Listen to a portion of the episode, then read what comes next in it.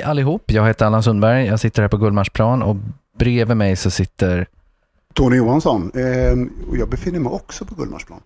Tony, vad gör vi här? Eh, vi spelar in en podcast. Ah, vad roligt. Vad heter den? Den heter Om flickor, bilar och sport. Precis mina favoritintressen. Hmm.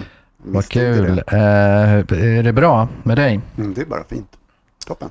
Härligt. Vi försökte ju spela in, eh, börja spela in här nyss eh, utan, att ta en, utan att ta en öl, men det blev så stelt och trist.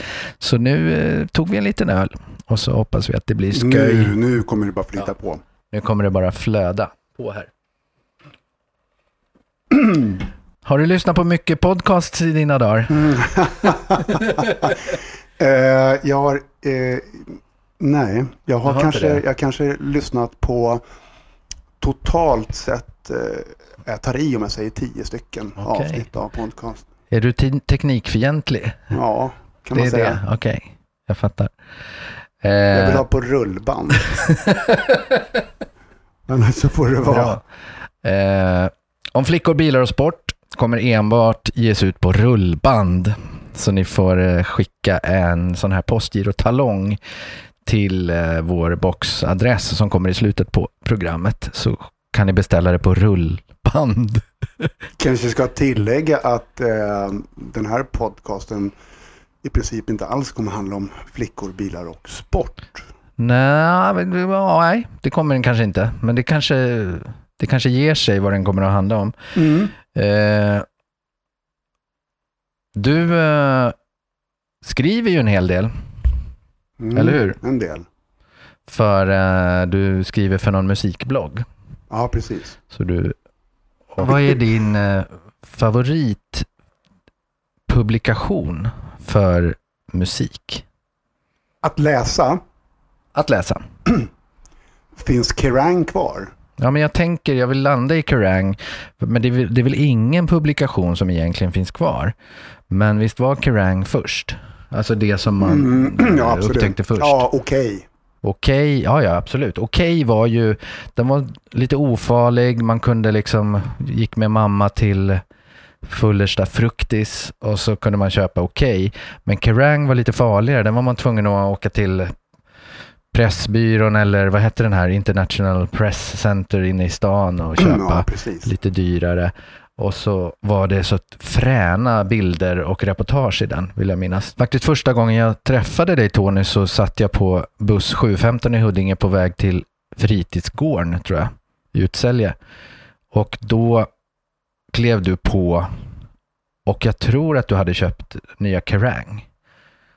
Och av någon anledning så började vi pratas vid om jag frågade dig om den eller något. Och då var det ett reportage om Fastway. Ah, Kan det stämma? det kan stämma. Ja. ja, nu börjar minnet komma tillbaka här. Fastway med den gamla fina Fast Eddie Clark och eh, Pete Way från Just UFO. Cool. Vad var det, vem, vem var mer med där? Vem sjöng? Jag har fan glömt bort det. Men var det Danny Vaughan eller var Nej, det Danny Vaughan eh, sjöng i Wasted. Wasted? Just det. Och eh, numera, eh, sen långt tillbaka i Taiketo. Just det. Och var Paul Chapman med i Wasted? Ja, Paul Ja, det var därför i det dök upp i, i mitt eh, huvud här. Ja. Paul Chapman, må han vila i frid. Ja, vad, vad har vi på Paul Tonka. Chapman?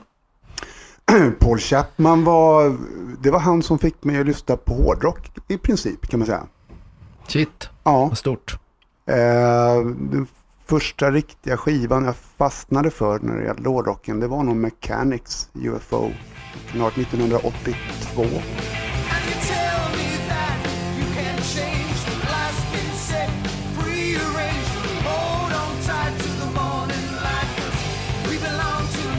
Och det är så sjukt för att det är den första och enda UFO-platta jag har på vinyl. För, men av någon anledning så upptäckte jag aldrig liksom känkerplattorna då. Det har jag gjort nu liksom. Men, Mm. men jag älskar den fortfarande. Ja, det var ju där man, jag fick gå tillbaka dels till UFOs.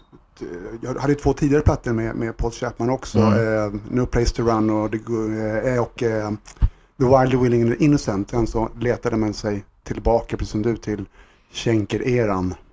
Ja, som jag inte gjorde, Nej. men som jag gjorde senare.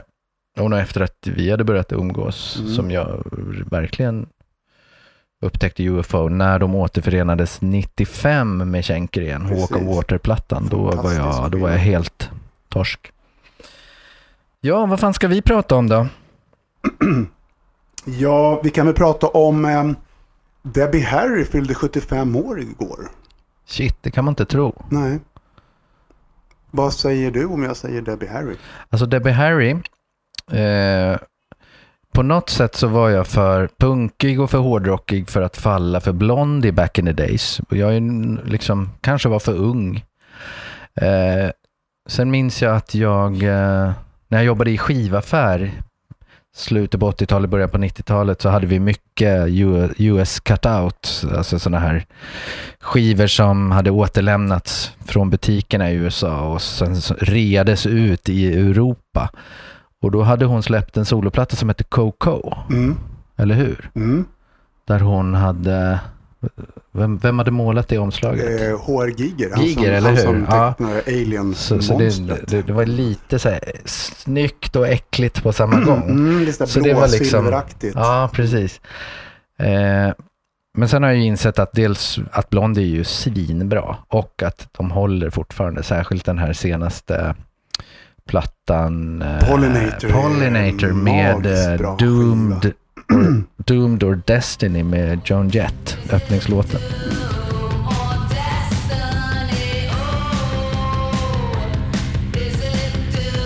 Det, det är årets bästa skiva. Eh, Nu är jag inte helt hundra på när den släpptes, som var 2015. Alltså de har ju lyckats göra strålande comebacker nu, eh, just när de kommer från ingenstans och släpper Maria. Ja, Vilket år var det? 99. Ja, det är också sjukt. Ja, eh, precis. Eh, de har hållit upp, upp i 18, 17, 18 år. Eh, som man idag bara blir förbannad av att den, den utnyttjas av ett bingoföretag på nätet. Absolut. Det finns många sådana exempel. Mm. Tror jag. Men vad, vad, vad har Debbie Harry betytt för dig då? Det är ju, alltså, Parallel Lines var det som man upptäckte först. Kom Vad- 78, deras tredje platta. Eh, första hette bara Blond, det andra var Plastic Letters tror jag. Mm. Men Parallel Lines eh, såg jag då, eh, 12 år gammal på Gröna Lund. Parallel Lines-turnén 78. Och då visste jag knappt vad Blondie var och efter det så var man bara helt torsk. Det, det, den är ju ett mästerverk från början till slut tycker jag, än idag. Lirade de på stora scenen då? Eller lirade de Nej, på de- den gamla lilla scenen? lirade på gamla lilla scenen och det var, jag, kom, jag minns eh, så starkt att publiken så var en märklig blandning av eh, tonåringar, punkare eh, i punkens begynnelse här i Sverige och Ja. hårdrockare och, och medelålders herrar i rock. Och tolvåringar på skolresa, eller vad var det? Ja, exakt. Det var en skolresa jag var på. Eh, och, och såg eh, Blonde Grönlund. Sen mm, andra gången, jag har sett dem två gånger. Andra gången jag såg dem var 2003 på Cirkus. Så jag har alltså sett Blonde två gånger med 25 års mellanrum. Shit. Ja, ja. Och nyckelmedlemmarna var kvar eller? ja Det vill säga Debbie Harry och... Eh, Chris Stein. nej, jag Clem snackar Burke. om Clem Burke. Clem Burke, Eller ja. a.k.a. Elvis Ramone. Precis. Det är då minns jag eh, Debbie Harry intervjuades i SVT av, min, kan ha varit Per Sinding Larsen. Eh, Jag minns inte riktigt. Men, Eller Bro, Magnus Broni kanske det var. Ja, det var inför den cirkuskonserten i alla fall. Och eh, han frågar vad är likheten mellan Debbie Harry på 70-talet och Debbie Harry på 2000-talet? Och hon svarade I'm still fuckable. Ja, det är en enormt bra intervjusvar. Avväpnande svar. Han Mm. tappade allt. Fan vad hårt. Vad tror Ja. vi då om, håller, håller hon på med något nu eller vad gör Debbie Harry i dagens Mm. läge? Nej, jag vet inte hur det är musikmässigt. Jag har Nej. precis läst hennes självbiografi. Ja, var det Mm. något som förvånade dig? Mm, nej, men den är ju väldigt cool. Det är coolt att läsa om eh, New York framför allt. Det handlar om ända från hennes uppväxt utanför i New Jersey och kommer in. Men, just eh, nedre Manhattan på den början av 70-talet och CBGBs och hon hängde med Iggy Pop och Ramones och alla de här coola lirarna och jobbade som servitris och Just det. ja. Jag tror att du nämnde någon eh, sjuk episod i boken som har med en seriemördare att göra. Hon liftade med Ted Bundy en, en sen natt i, på Manhattan. Ja. Ja. Ehm, men självbiografin den, den, är, den är såklart eh, läsvärd.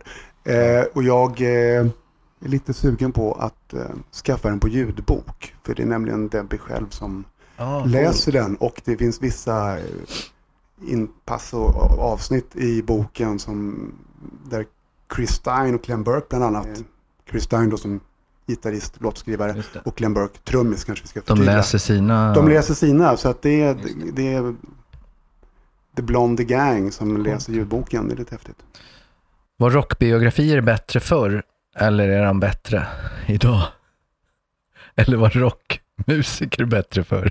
Rockmusiker var bättre förr. Nej men anledningen till att jag frågar är för att mina två absoluta favoriter i rockbiografier, det är Miles Davis självbiografi. Eller är det hans självbiografi? Nej, det är nog en biografi som någon annan har skrivit. Och sen är det Bob Dylans Vol 1 där som är grymt roliga och bra. För att det är Mm. så oväntat hur, hur eh, hårt de har levt liksom. Ja, eh, jag har inte läst så jättemånga rockbiografier. Men det, på, på tal om hå- levt hårt eh, så är vi tillbaka till Pete Way. Det är hans självbiografi som, eh, som kom här för två år sedan. Det, det, det var liksom the hardest man alive. Mm. Som, eh, han var ute natten med Bon Scott och Bon Scott dog bland annat. Eh, och eh, Lemmy har ju sagt att den enda som har supit honom under bordet någonsin var Pete Way. Och då blir det, man kan tänka sig då UFO på den här tiden med Chapman-eran när du har eh, Phil Mogg, före detta boxare med synnerligen dåligt ölsinne, Pete Way och Paul Chapman som fick smeknamnet Tonka eh, efter Ja, leksaksbil. men vad, vad kommer eh, att de liksom? var oförstörbara. Tonkabilarna Ah. var oförstörbara. Han var oförstörbar. Han kunde ta, han kunde ta, proppa kroppen full med vad som helst. Och du kan tänka Och dig... falla den- ner för vilken trapp som helst. Ja, och tänk dig då den trion på turné. Ja, det är fan. inte att leka med. Och du har en hel del av sådana otroliga stories i Mm. Pete Ways självbiografi.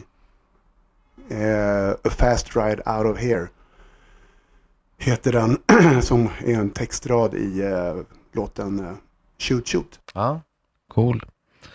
Varför är inte Pete Way med nu då när UFO kör?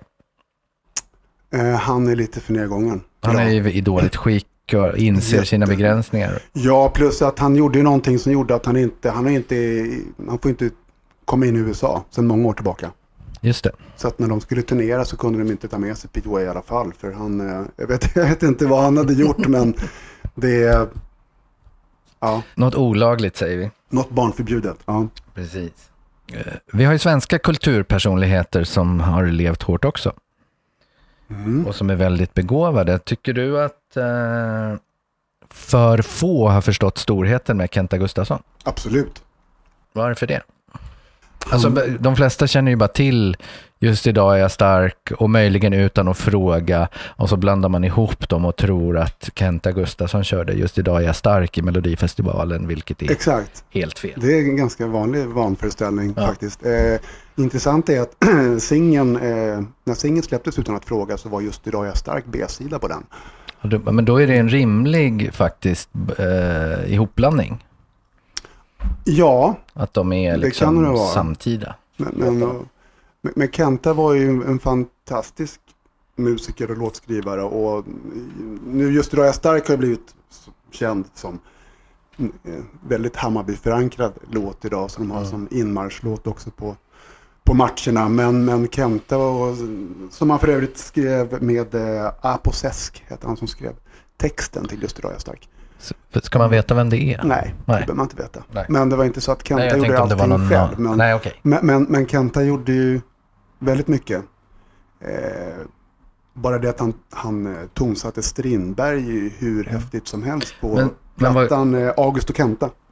Som kom, åt- och kom 81. Spelade Kenta något instrument? Det måste han ha gjort.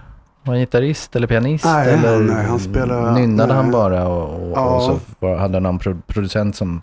Han kanske hade en ölflaska som koskälla. Det Ja, men precis. möjligtvis det. Ja. Nej, jag tror, jag Ja. tror inte han. Nej. Nej. Men eh, Kenta var ju en otroligt skön person. Jag har Mm. faktiskt varit, jag har träffat Kenta.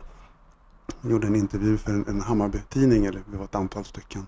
Okej. För många år sedan på Riddar Jakob, Jakobsberg, klassiskt sunkhak. Mm. Där eh, en oförglömlig kväll med Kenta.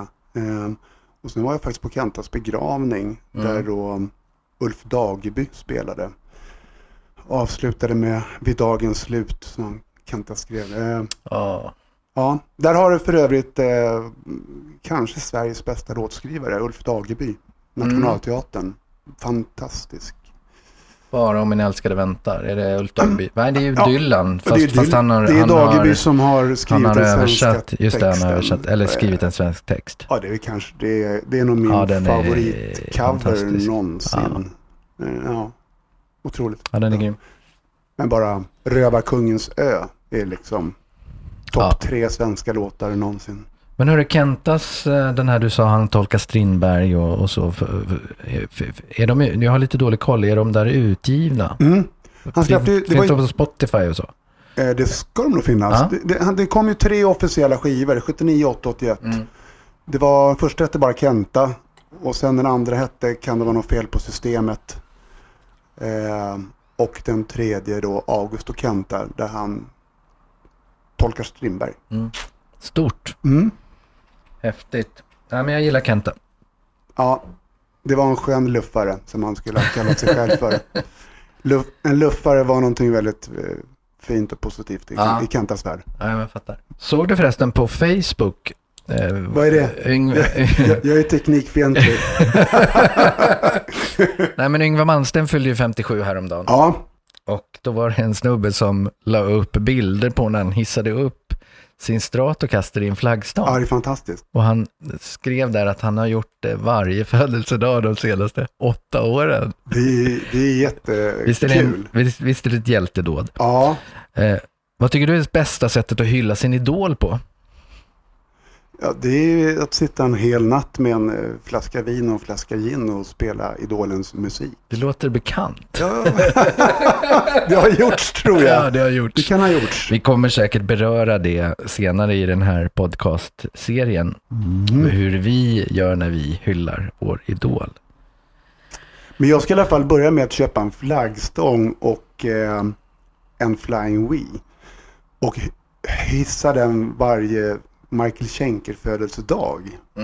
Det, det tycker jag någon borde ta tag i. Apropå Michael Schenker, eh, så la ju, han- jag började följa honom på Twitter och nu är det ju någon, förmodligen någon associate till honom som, som gör twittrandet, men han la upp en jättefin bild på sig själv, sin mamma, sina två söner och sin bror Rudolf. Mm. Eh, och då får man ju hoppas att de har grävt ner stridsyxan. De, de har ju kastat väldigt mycket skit på varandra senaste. Ja, det såg åren. ut som, eh, jag såg den bilden, Mm. den, eh, den ser ju nytagen ut. Men de har ju varit kraftigt i luven på varandra, bröderna Ja. Rudolf och jag är så impad av Schenker att han, liksom efter att han har, ja men, ramlat av vagnen, klivit upp, blivit nykter, ramlat av, klivit upp, blivit nykter, ramlat av, klivit upp, blivit nykter och nu senaste svängen lyckas med konststycket att bli bättre på gitarr än han någonsin var back in the days. Jag är så impad av honom Ja, i gitarrspelet. Alltså att han har sånt jävla flöde, sån jävla ton och sån jävla känsla. Och, och liksom, där är verkligen en musiker som har åldrats med, med gras. Och att han, att han faktiskt har de senaste, tid, senaste åren här med de senaste skivorna fått med sig sina gamla sångare som Gary Barden, Mm. Graham Bonnet och eh, Robin McAuley som han förmodligen har kastat så mycket skit på genom åren. Ja, eftersom han var en ja, inte, ja, skit- både kastat skit och säkert försatt i jobbiga situationer. För man har förstått att Schenker då och då har dykt upp på spelställen och inte kunnat leverera och, och, och vad det liksom betyder för en, en, en turnéproduktion eller vad det nu kan vara. För, för alla liksom professionella försöker göra sitt bästa och sen är det bara en, en som skiter ner hela pro projektet varje gång. Liksom. Så. Ja, man kan väl säga att han har nått rock bottom ett antal gånger. Ja, eh, det var så vackert sagt Tony, så jag tycker vi avslutar det här första avsnittet av podcasten om flickor, bilar och sport med eh, ett eh, skål för Michael Schenker. Ja. Och Skål. tack så mycket. Tack. Högst uppe under takets list